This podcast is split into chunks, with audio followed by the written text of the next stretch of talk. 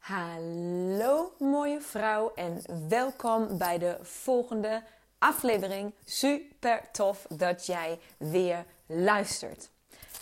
Vandaag wil ik iets met je delen waar heel veel vrouwen vragen over stellen, waar heel veel vrouwen dingen over weten, willen weten en ze vragen het allemaal vanuit verschillende redenen. De een wil weten wat het inhoudt omdat het zelf wil beleven. De andere wil weten wat het inhoudt omdat ze weet dat ze het zelf nooit zal gaan doen. Weer een andere is nieuwsgierig uh, wat het praktisch allemaal inhoudt. De andere is nieuwsgierig wat het nou, mentaal, spiritueel allemaal inhoudt. Uh, er zijn zoveel invalshoeken waaruit ik deze vraag krijg. En ik ga gewoon het verhaal vertellen en dan kan hopelijk een ieder van jullie haar eigen antwoord eruit halen voor zichzelf. Want waar heb ik het over? Uiteraard de woestijn. Het woestijnverhaal. Want jullie, als jullie mij al een tijdje volgen, dan weten jullie dat ik het vaak heb over de woestijn. En dat ik daar de kennis van de vrouwelijke cyclus en de vier fases uh, vandaan heb. En um, dat was een tiendaagse reis met tien vrouwen naar de Sinaï-woestijn in Egypte. En daar wil ik jullie vandaag meenemen hoe ik die reis heb ervaren, wat ik daaruit heb gehaald, naast het bedrijf Women Fundamentals opgericht te hebben, maar wat ik daar nog verder allemaal mee heb gemaakt en daaruit heb gehaald. En um, ik hoop dat ik je een aantal uh, inzichten en eye-openers mee kan geven. Um, nou, als het gaat over uit je comfortzone stappen, om ergens in te duiken, iets te proberen. Uh, want één ding kan ik jullie beloven: die woestijnreis was vet buiten mijn comfortzone. Echt, echt. Maar ik had nog geen idee dat dat zo zou zijn. Tot het moment dat ik op de luchthaven stond in Sharm el-Sheikh, dat is in Egypte. En nou, ik duik er gelijk in. Want als je de eerdere podcast hebt geluisterd, dan weet je dat het, de reden überhaupt dat ik mee ben gegaan naar uh, de woestijn, dat het een belofte is geweest. Een belofte die ik uh, aan Pocahontas heb gegeven. Pocahontas heeft trouwens ook een echte naam, ze heet Anna. Maar voor mij is het toch altijd Pocahontas gebleven. En um,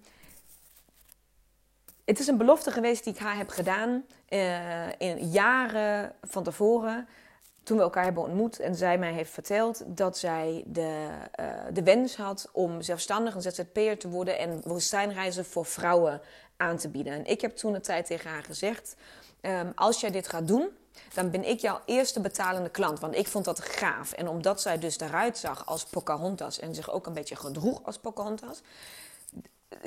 ik moet dan altijd, ik zie altijd, heb je Pocahontas gezien, die film? Als je dan zo, zeg maar, uh, dat, dat hele um, typische beeld van haar, waar zij zo, waar die wind door haar haar wappert en de, en de, de bloemetjes om haar heen waaien en ze begint te zingen. Dat plaatje van Pocahontas, nou dit. Dit is, dit is echt hoe zij is. Er is, komt nog net geen trommelgeluid als zij binnenkomt. Uh, weet je, dit, dat, dat, is, dat is Anna. Zij is echt een, uh, nou, belichaamt dat voor mij. Uh, dus ik dacht van, nou, dit is gaaf. Daar ga, ik, uh, ga ik mee, dat beloof ik haar. Nou, vijf jaar later was het dus zover. Zag ik haar adverteren op Facebook dat ze zich zelfstandig had gemaakt... en dat ze haar eerste woestijnreis voor vrouwen aan zou bieden. Nou, without hesitation heb ik dus gelijk contact opgenomen met haar. Heb me ingeschreven voor de reis. dat was in het najaar en in het voorjaar zouden we dan ook daadwerkelijk vertrekken.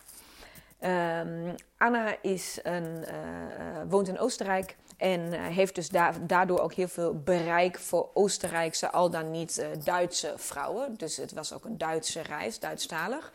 Um, vandaar was ik de enige persoon die vanuit Nederland moest komen. Want ja, in Nederland heeft ze natuurlijk nul bereik voor mensen. Dus ik moest de reis op zich, de vlucht, Um, naar Sharm heb ik gedaan vanuit uh, Nederland. Ik moest van Nederland uh, naar Düsseldorf. En vanuit Düsseldorf ben ik gevlogen naar Sharm. En de rest van de dames is vanuit München vertrokken. Dus we zouden elkaar voor het eerst zien en ontmoeten op het vliegveld van Sharm. En dat zou ook het moment zijn dat Anna en ik elkaar weer terug zouden zien na vijf jaar. Elkaar niet hebben gezien en nauwelijks hebben gesproken. Dus ik heb mijn spullen gepakt volgens de instructies uh, die zij mij per e-mail toe heeft gestuurd. Uh, wat allemaal heel praktische dingen waren. Um, zoals neem je eigen wc-papier mee. Neem ook een um, aansteker mee, zodat je je wc-papier kan verbranden, zodat het niet door de woestijn gaat uh, uh, rommen, zodat we niks achterlaten. Neem een plastic, uh, drie plastic um, vuilniszakken mee, zodat als we in een regenbui terecht zouden komen, want die heb je ook in de woestijn, zodat je je spullen dan kan beschermen voor de regen. neem als cadeautjes voor de Bedouinen geen snoep of dit soort dingen, maar neem touwen of koplampjes of uh, dit soort dingen. De, allemaal dat soort dingetjes stond daarin. Um, en de woestijnreis, de, de, het thema van de reis was: Vind je oervrouw. Dus dat stond heel duidelijk omschreven in de nou ja, instructies en de introductie: Vind je oervrouw. En wat ik las in dat geheel was een soort nou ja, survival-achtig iets. We gingen dus tien dagen met tien vrouwen uh, naar de woestijn. Uh, iedere vrouw krijgt, zijn eigen, uh, krijgt haar eigen kameel. En um, we gaan een aantal Bedouinen met ons mee, die dan iedere avond een juiste slaapplek voor ons zouden zoeken. En slaapplek in dit geval is, ze gaan de juiste rotsen of open vlakte kiezen waar je veilig kan slapen. Want er waren geen tenten of geen, het was gewoon jij, je isomat en je slaapzak en je kameel. En een vuurtje, dat was altijd fijn. Maar daar kom ik zo nog naartoe. En um, dus ik had een heel. Vind je oervrouw betekende voor mij op dat moment, toen ik uh, in Sharm el-Sheikh zat, zat te wachten op de rest van de groep, een soort survival iets. Een soort van ik met de elementen. Um, vrouwen die het zelf redden in de woestijn. En, en um, jezelf uitdagen. Da daar zat ik in mijn hoofd van dat is wat we gingen doen. En het moment dat ik de dames zag op me af, op me af lopen als groep bij elkaar. Er kwamen negen vrouwen op me aflopen. Stond ik daar alleen en keek naar dat groepje, hoe ze op me afkwamen. En besefte op dat moment: shit, dit is hele andere koek. Dit is, dit is niet wat ik dacht wat het zou zijn. Die vrouwen, die, die negen vrouwen die daar op me afkwamen lopen, waren al vanaf de buitenkant, dus wat ik kon zien, zo anders dan wie ik was. En waren duidelijk, uh, zouden zo'n ander leven leiden dan wat ik thuis mij op had gebouwd, privé en zakelijk.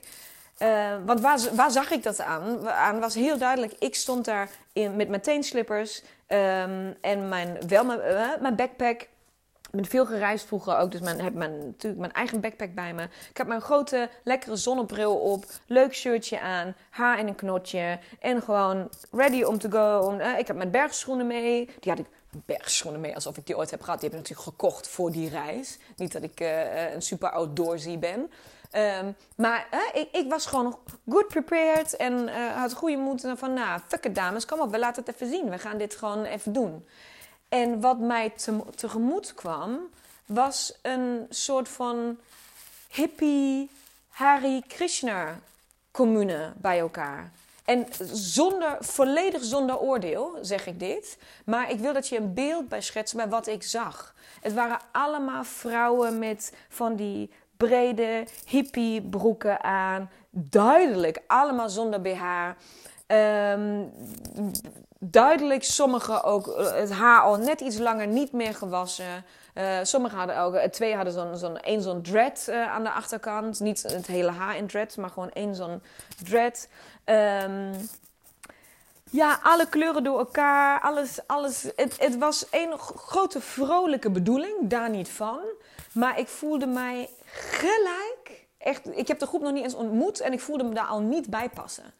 Ik dacht van, oh, jullie staan zo anders in het leven dan ik. Fuck, dan moet ik nu tien dagen, in totaal veertien dagen, um, maar tien dagen mee echt in de woestijn zitten. Shitzooi. Dit is echt, oh, dus... Nou ja, dat, dat is dus wat er gebeurde. Het moment dat ze op me af... Dus al deze gedachten knetterden door mijn hoofd op het moment dat die meiden op me afkwamen lopen. En ehm, ik stond dus daar en ging even heel diep ademhalen. Ik dacht van oké, je staat hier nu. Maak er het beste van. Glimlach op je gezicht en hoi, daar gaan we. Nou ja, dus dat was het begin van mijn woestijnreis. De allereerste indruk. En ik kan je vertellen, het ging vanuit kwaad. In dat geval dacht ik dat dit erg was. Na veel en veel en veel erger.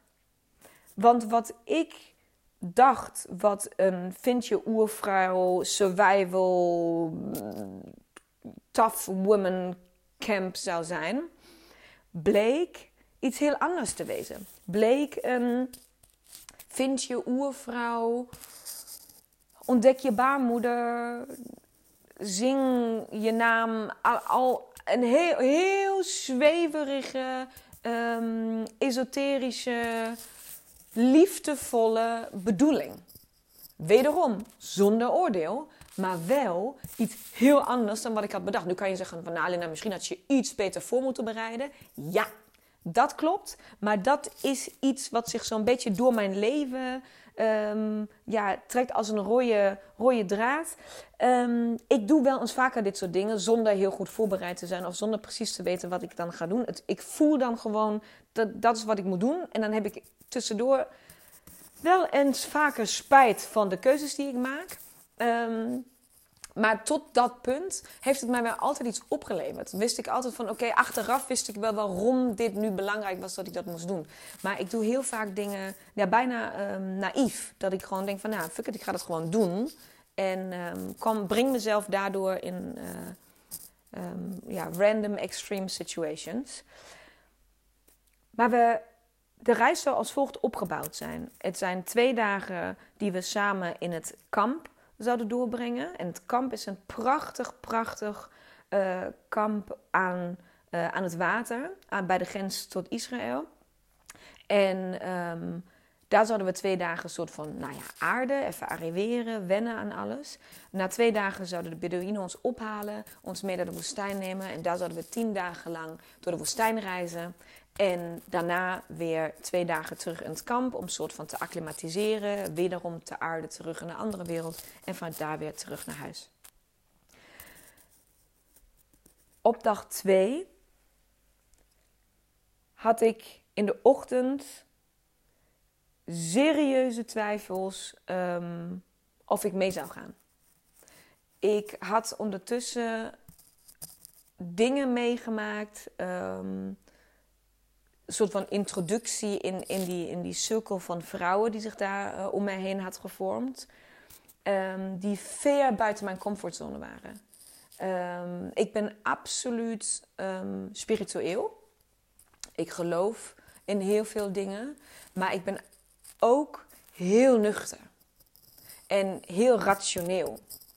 En voor mij was daar heel weinig nuchter en rationeel en heel veel spiritualiteit. Zoveel spiritualiteit um, dat het voor mij buiten mijn comfortzone ging. Buiten mijn grenzen van wat ik tot nu toe, tot dat moment toe had gelaten in mijn leven. Dus om je een beeldvorming te geven, daar was iedere ochtend, uh, of al twee ochtenden lang, um, ontmoeten we elkaar na het ontbijt in de tipi-tent. Die stonden daar. Uh, en uh, begon de dag met, met, met een soort van ceremonies. Dus met muziek en met klappen en met dans en met al deze dingen. Nou, ik zou heel eerlijk tegen je zeggen, ik vond dat al moeilijk. ik vond dat al moeilijk om, om als een soort van, ja, soort van aesthetic dance, hè, van dans.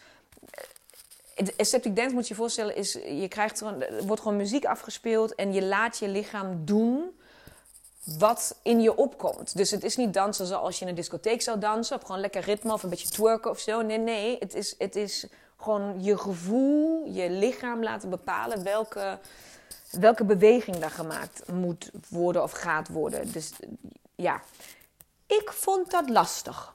En het zag er ook best bizar uit hoe de andere vrouwen dat deden, kan je je voorstellen. Dus je staat gewoon met tien vrouwen om negen uur s ochtends uh, in een tipi-tent in de woestijn, aan de rand van de woestijn, uh, in Egypte, op trommelmuziek je lijf te laten bewegen. Ja, dames, haal mij maar op. Ja, ik kon dit niet. Ik vond het heel moeilijk. Dus ik heb het allemaal een beetje inge... Maar nou ja, dat, waren, dat was dag één. En dan waren heel veel van dit soort oefeningen. We hebben, ik heb in de eerste twee, twee dagen gelijk... Meditatie was mij niet vreemd, want ik had natuurlijk Vipassana en alles gedaan. Um, maar waar ik kennis mee, heb gemaakt in de eerste twee dagen daar gelijk... was een yoni-meditatie. Ja, een yoni-meditatie. Een yoni-meditatie is een geleide meditatie waarin jij, uh, degene die jou begeleidt, jou meeneemt in jouw yoni. En je eigenlijk kennis maakt met je baarmoeder van de binnenkant. Ja, ja, ik hoor je lachen. Ik lach daar. En ik heb het meegemaakt. En ik dacht alleen van, ja, maar ik kan dit niet. Ik kan niet, ik... Wat, ik zal je vertellen wat exact door mijn hoofd ging. Ik was, we zijn dus nu op dag twee. Ik, heb allemaal, ik kan je nog duizend van deze oefeningen vertellen. Die ik allemaal. En ik had een, ik had een, een, een barrière van hier tot Tokio. Dat ik van, ik kon dit gewoon niet. Ik kon daar niet van genieten. Ik kon daar de nut niet van inzien. Het was gewoon tot. Ik zat totaal op een andere planeet. En um, merkte dus ook dat die groep, ja, het klopte gewoon allemaal niet. Dus ik, en waar ik, liep dus op dag twee, na die ochtendceremonies, liep ik terug vanuit de tipi-tent langs de stenige stoffen weg. Uh, dat is ongeveer vier, drie, vier minuten lopen. Terug naar het mini-restaurantje aan, aan het water. Prachtig was dat. Waar helemaal een hele lage tafel. waren maar drie of vier tafels. Uh, überhaupt het hele kamp waren maar, ik denk, tien hutjes in totaal. Ook echt leemhutjes met stroodakjes en zo. was prachtig. Uh, en het restaurant was, het was geen restaurant. Het was kleiner dan iedere keuken die we in Nederland hebben. Uh, gewoon gewone huiskeuken. Um, maar er waren hele lage tafels, waar je dus ook alleen maar overal hele fel gekleurde mooie tapijten. Dus iedereen ging altijd op de grond zitten en kreeg gewoon lokaal eten voorgeschoteld. En het was prachtig en lekker. En het was fantastisch daar bij het water. Dus ik liep net vanuit die tipi-tent terug naar, het, naar de lunch om samen te eten. En op dat moment wist ik, oké, na het middageten, na de lunch ergens zouden we onze spullen pakken en komen de Bedouinen ons ophalen. En dat betekent dat ik dan tien dagen lang met deze vrouwen in deze setting in de woestijn zou zitten. En ik wist voor mezelf, dit, ik kan, dit, dit is niet waar ik voor heb gekozen. Maar ik wist ook heel rationeel, ja, je zit ergens in Egypte. Ik heb me natuurlijk ook helemaal niet goed geïnformeerd waar we dan überhaupt exact waren of zo. Want ik, ja, vertrouw dan altijd ontzettend op diegene die het organiseert. Van ja, je weet wel wat je doet. Ik doe gewoon mee. Ik heb geen mening, ik ga gewoon meedoen. En super. Dus ik wist dan van ja, ik kom hier ook niet weg. Dus ik kan dan zeggen, ik ga niet mee. Maar dan zit ik tien dagen lang totdat die vrouw terugkomt hier alleen in een kamp in Egypte. Dus wat ga ik doen? Dus wat de hele tijd door mijn hoofd spookte in die, die meters die ik terug moest lopen was... Hoe ga ik dit ooit thuis uitleggen? Hoe ga ik ooit vertellen, toegeven wat ik hier allemaal heb gedaan. Daar kwam, kwam een enorme golf van schaamte over mij heen. Dat ik alleen dacht, ja, maar mijn wereld waar ik in leef, begrijpt dit niet. Ik begrijp dat niet eens. Hoe moet ik dat nou hoe, Wat moet ik zeggen als mijn vriend vraagt: hoe was het? Wat heb je gedaan? Als vriendinnen willen weten: hey, hoe was je woestijnreis? Wat, wat ga ik dan tegen ze zeggen? Ik kan nog niet vertellen dat ik net een, een, een yoni-meditatie heb gedaan. Ik, dus ik was, ik was zo aan het struggelen in mijn eigen hoofd. Dat dit gewoon niet bij mij paste en dat dat te ver was en dat ik dat niet kon. Maar ook dat ik wist, de Bedouinen komen, dus of ik stap in die auto of niet. Dus ik was een enorme crossroad van, wat ga ik nu doen? En toen heb ik een beslissing genomen die mij voor de rest van mijn leven, denk ik, maar in ieder geval de afgelopen 6, 7, 8 jaar, zo enorm heeft geholpen.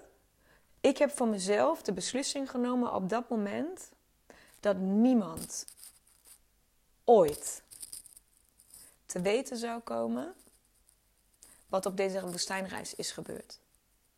Ik zou niemand ooit vertellen wat ik heb gedaan, wat ik heb gezien, wat er, wat, wat, wat er met de andere vrouwen wel of niet in die groep uh, oefeningen en dingen. Ik heb gewoon op dat moment met mijzelf afgesproken: dit is mijn geheim. Dit blijft voor altijd bij mij. Niemand zal dit ooit te weten komen. Ooit. Ik doe dit voor mij. En ik laat me nu gewoon meenemen. En dan is het klaar. Niemand komt dit ooit te weten. En toen deed ik mijn ogen weer open. Onbewust waren, was ik blijven staan, ogen dicht gedaan. Heb ik deze keuze gemaakt?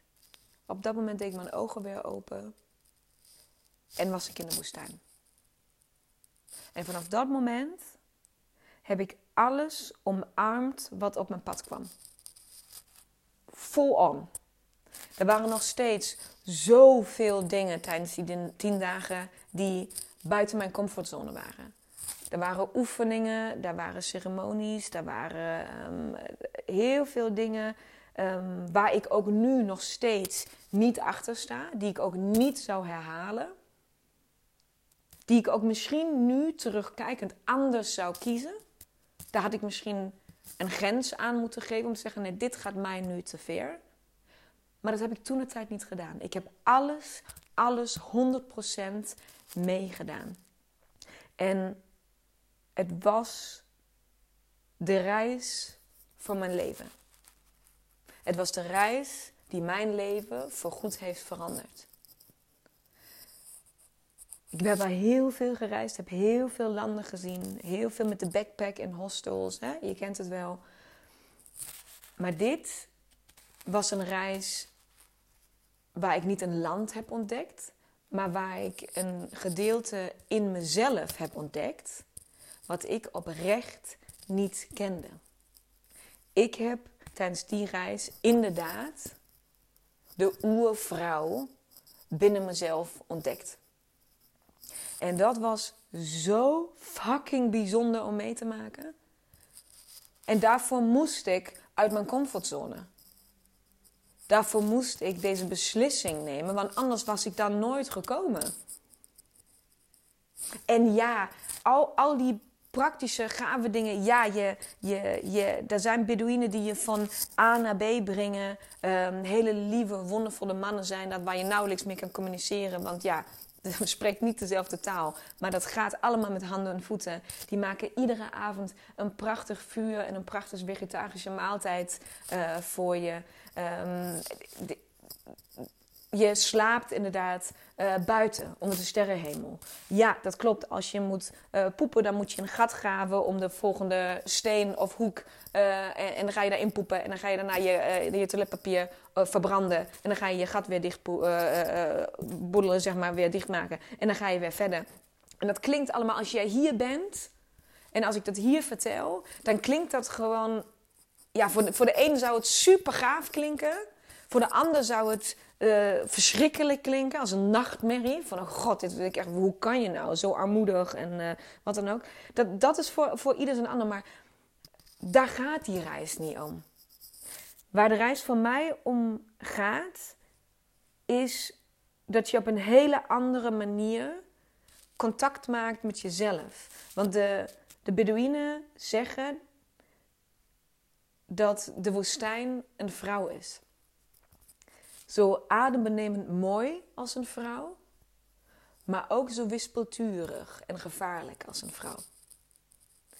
En dat is wat je daar meemaakt. Je bent zowel met de elementen, heb je, heb je van doen. Je hebt met je kameel van doen, want dat is een, een dier die jou tien dagen lang gaat dragen. En als je wil lopen, dan mag dat natuurlijk ook. Maar dan ben, heb je nog steeds verantwoordelijkheid voor je eigen kameel. Dus dan, dan heb je hem aan een touwtje gewoon bij je. Maar dat zijn grote beesten, kan ik jullie vertellen. Dus het is een wisselwerking tussen respect afdwingen en liefde creëren met zo'n beest, zodat je samen die tien dagen doorkomt. Al die oefeningen die we hebben gedaan. Uh, ik ga je nog eentje vertellen en dan ga je waarschijnlijk weer keihard lachen. Maar ik wil je een, een sens geven op wat er gebeurd is. Um, in het Duits. Ik, ken, ik kende het woord. Ik ben Duits. Ik ben in Duitsland opgevoed tot begin 20. Dus Duits is mijn moedertaal. Maar ik kende dit woord niet eens. Dus even om je wederom mee te nemen in hoe vreemd mij dit allemaal was. Ehm, wat wij iedere ochtend en vaker samen hebben gedaan, uh, is turnen. En turnen komt van toon. En toon uh, is een geluid wat je maakt. Een, een, ja, een toon maakt. Uh, ja, hoe kan je dat nog beter uitleggen? Nou, een geluid. En turnen in de context van vind je oervrouw in de woestijn uh, betekende dat je. Um, ik, kan bij, ik heb echt moeite om het iemand uit te spreken. Uh, maar um, betekent dat je je baarmoeder laat zingen. Dus je laat eigenlijk gewoon het geluid van je baarmoeder op dat moment, op die dag, gewoon uit je strot komen. Dus dat kan iedere dag een ander soort geluid zijn. Dat kan ook gedurende die teun-sessie ook veranderen. Dat het opeens heel krachtig wordt of heel zachtjes, heel hoog, heel diep, heel alles. Nou ja, wederom zie je mij zitten. Maar dames, wat heb ik richting eind van de reis geteund? En wat hebben wij samen in die woestijn gezeten? En samen met tien vrouwen zo'n zo, zo'n ja, zo'n sessie, zo'n energie, zo'n kracht neergezet. Want opeens, de eerste paar keren dat mij gevraagd was om dat te doen, maak even contact met je baarmoeder. Voel even wat, hoe het voelt. En nu, teun. Ik denk van, ja, maar wat doen? Wat moet ik nou teun? Wat? Wat gaan we doen? Laat even staan, voor begin van die reis. Nou ja, bij wijze van, ik wist niet of mijn baarmoeder was. Ik, ik zou mijn baarmoeder nog mijn manier kunnen verwisselen, snap je? Dus van, waar moet ik überhaupt naartoe met mijn aandacht en zo? En waar komen jullie, waar halen jullie allemaal dat geluid vandaan? En ik snapte daar niks van.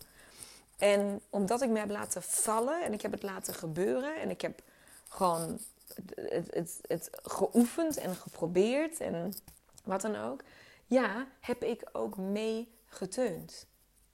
En het was een van de krachtigste, krachtigste momenten die ik ooit met andere vrouwen heb ervaren. Dat is een soort sisterhood die dan ontstaat. Dat is iets heel, heel, heel bijzonders. Zo belachelijk als het misschien klinkt in ons dagelijks leven. Ik kan er nu ook weer om lachen als ik hier sta in mijn woonkamer, lopend rond de keuken. Maar ik kan me ook het moment nog heel goed herinneren dat ik daar zat. En dat het mij alles heeft gegeven op dat moment. Het, het, het was volmaakt. En dat is wat de woestijn is. Dus voor de een is het het, het spiritueel, zweverige, esoterische, het teunen, de yoni, eh, meditatie en uh, de aesthetic dansen.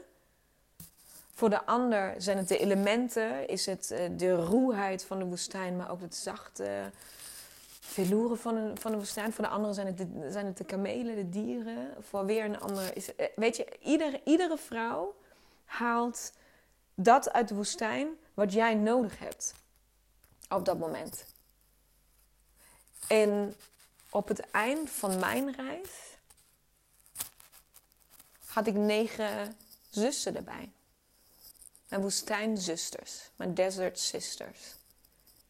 En het is een band die nooit meer doorbroken kan worden.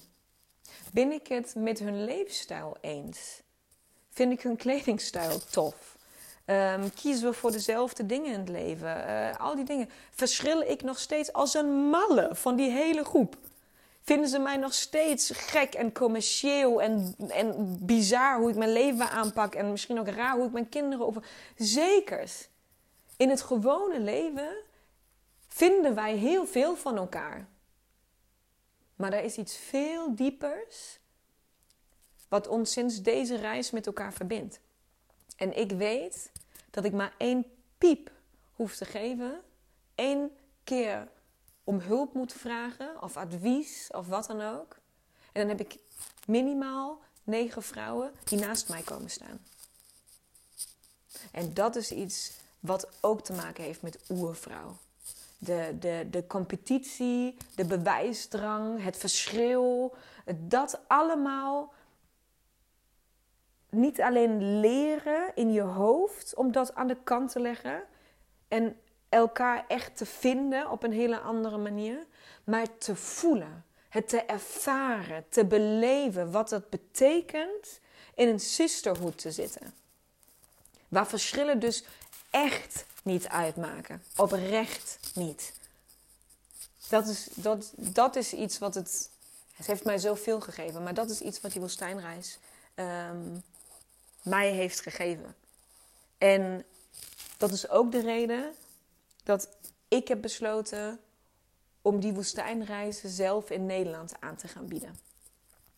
Want ik vind het doodzonde dat ik jullie niet allemaal naar Pocahontas kan sturen uh, om daar mee te gaan. Want ja, dat wordt qua communicatie en al die dingen wel lastig. Maar Pocahontas en ik hebben wel overleg gehad. En um, zijn het allebei eens daarover dat dit ook voor Nederlandse vrouwen beschikbaar gemaakt moet worden. Dus uh, ik ben nu, as we speak, as I speak, um, bezig om de eerste woestijnreis in het voorjaar van 2021 te plannen. En um, nou ja, als je dit inspireert, als je dit wil beleven, als jij de keuze voor jezelf kan maken om of gewoon mee te willen doen, of uh, misschien ben jij iemand die, dat, die, dit, hier helemaal geen drempel ervaart. Zegt van yes, vet cool, ik wil dit, ik, ik moet hier ook bij zijn. Of ben jij iemand die zegt van oh, no, no, no, no, no. Net als ik. ik hoop dat ik je um, in deze keuze, maar vooral ook in heel veel andere keuzes, um, kan inspireren, heb kunnen inspireren vandaag om eens vaker te denken: fuck it, ik ga het gewoon nooit en never aan iemand vertellen dat ik dit heb gedaan. En dan geniet ik er gewoon van, van het moment waar ik in leef. En kies ik dan wel wat goed of niet goed voelt. Had ik dat niet gedaan op dat moment, was mijn, letterlijk mijn leven anders verlopen. Die keuze, dat ik op dat moment die keuze heb gemaakt om wel mee te gaan. En het voor altijd mijn geheim te laten zijn. Dan, dan had ik dit allemaal nooit ervaren. Ik was er niet geweest. Ik was er niet bij geweest. En het prachtige is ehm, nu dat ik het steeds vaker doe. Dat ik steeds vaker dit soort keuzes maak en denk van... oh god, wat zou mijn man daarvan denken? Oh god, dit kan ik nooit aan mijn vriendin vertellen. Oh jezus, hoe ga ik dit zakelijk als mensen weten? Oh, oh. En ik denk, maar dit hoeft niemand te weten. Prima, ik doe het voor mezelf. Ik zeg wel dat ik naar de yoga ga. Who cares? Want dat is natuurlijk normaal, dat we allemaal naar de yoga gaan. Of naar de zangles, of naar de bodypump. Maakt niks uit. Maar probeer eens iets wat buiten je comfortzone ligt, zonder dat je het aan iemand anders hoeft te verklaren. Zonder dat je rekening moet houden over wat iemand anders daarvan vindt. Zonder dat je daar rekening mee moet houden wat jij zelf daarvan vindt. Maar mijn grootste vijand was ik zelf natuurlijk. Want die reis is nu jaren geleden. En alle mensen om me heen, zowel uh, mensen die ik via Women Fundamentals nu leer kennen, als mijn liefste en langste vriendinnen, als mijn moeder, mijn zus, uh, mijn vriend, mijn alle, uh, alle mensen om me heen, zijn benieuwd naar die reis. En iedere keer dat ik daar iets over vertel, vinden mensen het gaaf. Dat is ook wat je daarvoor hebt. Het is nergens voor nodig. Het heeft nooit mijn geheim hoeven, hoeven blijven. Dus ik vertel daar nu ook heel open over. Je mag alles weten. Alle gekke dingen die ik heb gedaan mag je weten. Ask away. Je bent welkom. Dus de blokkade zat in mijn hoofd. Wat zou ik daarvan denken? Dat past niet bij mij. Zo ben ik niet. Nou, herstel, zo ben ik wel. Het is alleen een deel van mij. Ik kies ervoor om dat niet mega prominent iedere dag te leven. Maar spiritualiteit en het universum en al deze dingen zijn, zijn onderdeel van mijn leven, van mijn business, van mijn businessstrategie zelfs. Zijn onderdeel van de opvoeding van mijn kinderen, van mijn relatie. Dus het heus wel aanwezig. Ik doe er heel veel mee. Maar ik ben ook heel rationeel en heel nuchter. En ik draag nog steeds een hele grote zonnebril. En ik loop nog steeds op teenslippers in plaats van uh, de hele handige, goede Tena top woestijn zandaal. Ik hoop dat ik je weer heb kunnen inspireren. En ik hoop dat je de woestijn in aanhalingstekens um, iets beter hebt kunnen ja, grijpen voor jezelf. Ik hoop dat jouw antwoord, wat jij heel graag over de woestijn wilde weten, ergens in dit verhaal lag. En um, ask away, dat weet je. Je mag alle vragen stellen. En please, please, please, als je dit wederom, als het iets met je doet, als je het inspirerend vond, als je dit hoort tijdens het wandelen, wandelen tijdens het autorijden, tijdens het sporten, wat dan ook. Please doe heel even de moeite. Maak een screenshot. Tag mij in je stories, zodat nog veel meer vrouwen dit kunnen lezen en wie, eh, lezen, luisteren. En wie weet kunnen we samen nog een veel grotere sisterhood uh, creëren. Bedankt voor het luisteren en tot de volgende aflevering. Doei!